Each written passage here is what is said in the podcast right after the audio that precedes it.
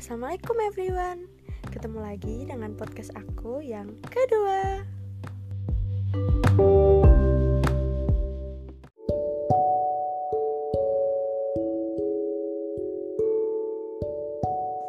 Oke, di sini aku mau menceritakan tentang pengalaman hidupku. Waktu itu ketika aku masih menginjak kelas 4 SD, ada kejadian yang membuat aku dan keluargaku kaget. Baru pertama kalinya aku merasakan hal ini dan tidak ada yang bisa menyangka hal ini bisa saja terjadi. Waktu itu, aku dan adikku masih sekolah. Ayahku kerja dan ibuku sedang menemani adikku sekolah di PAUD. Jarak sekolahku dan sekolah adikku yang terakhir juga cukup jauh. Jadi, di rumah tidak ada yang bisa menunggu. Pada hari itu, kejadian hari Jumat, aku dan adikku pulang lebih awal.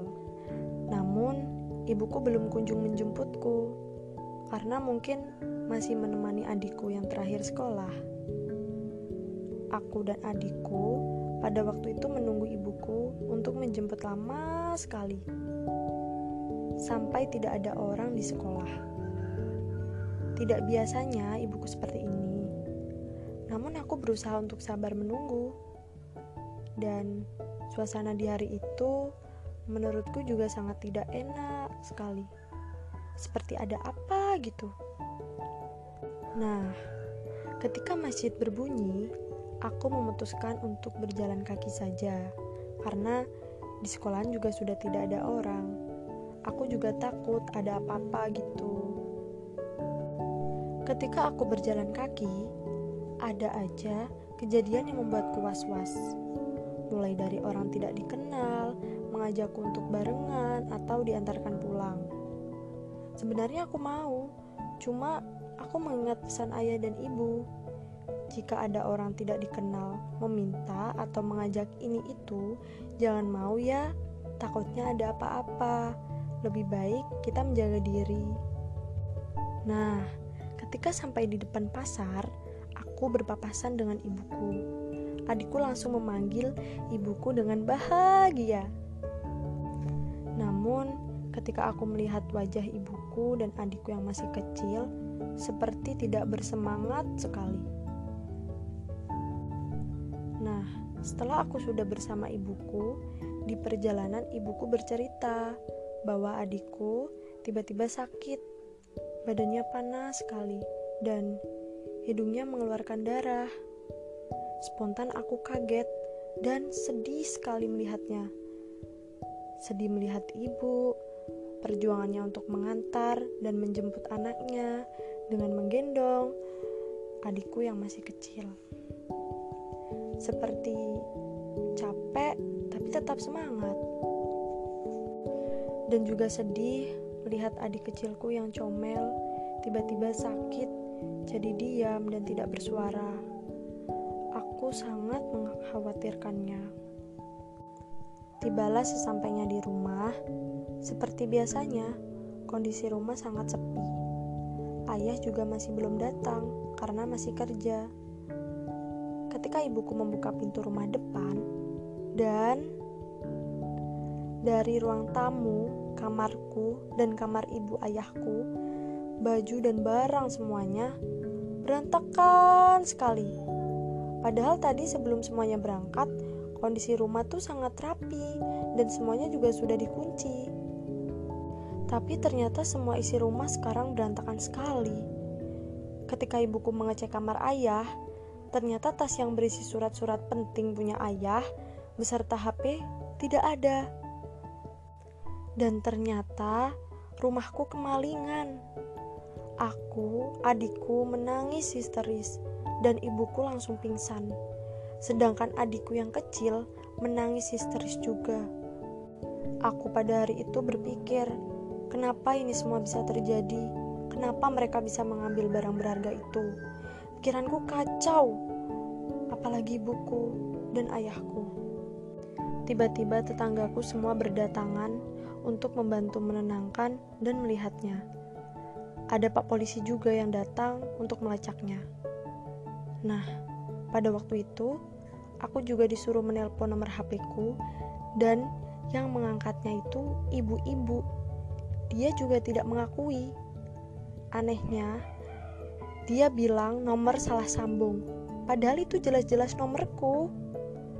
Setelah sampai beberapa hari kejadian itu, nomor HP-ku meneror nomor HP ayahku. Dan ternyata itu malingnya dan mengatakan jika menginginkan tas ini harus mengambilnya di pasar dengan membawa uang puluhan juta. Namun ketika ayahku dan tetanggaku pergi ke pasar tersebut, si maling hanya membawakan fotokopiannya saja. Siapa yang tidak jengkel? Dan akhirnya, kita semua hanya bisa pasrah dan berdoa saja. Ayah dan ibuku menjelaskan kepada aku dan adik-adikku, kita harus sabar dan tetap berdoa terus Percaya sama Allah, pasti ada keajaiban datang di balik kejadiannya seperti ini. Dan jangan pernah menyalahkan Allah, karena namanya hidup tidak selalu aman dan tenang, pasti juga ada ujiannya. Setelah sebulan lebih kejadian itu berlalu, tiba-tiba ada Pak Kades yang datang ke rumahku bersama dua orang ibu-ibu dan bapak-bapak. Ternyata Pak Kades mengatakan bahwa bapak ibu tersebut orang yang menemukan tas ayah di pinggiran sungai, katanya. Dan maksud tujuan beliau kemari hanya mengembalikan tas tersebut. Ya, aku dan adikku di kamar mendengarnya sangat senang dan bahagia sekali. Ternyata apa yang dikatakan ayah dan ibuku benar. Setiap kejadian apa pun itu pasti ada hikmahnya, sekecil apa pun itu. Dan keajaiban pasti datang. Masya Allah.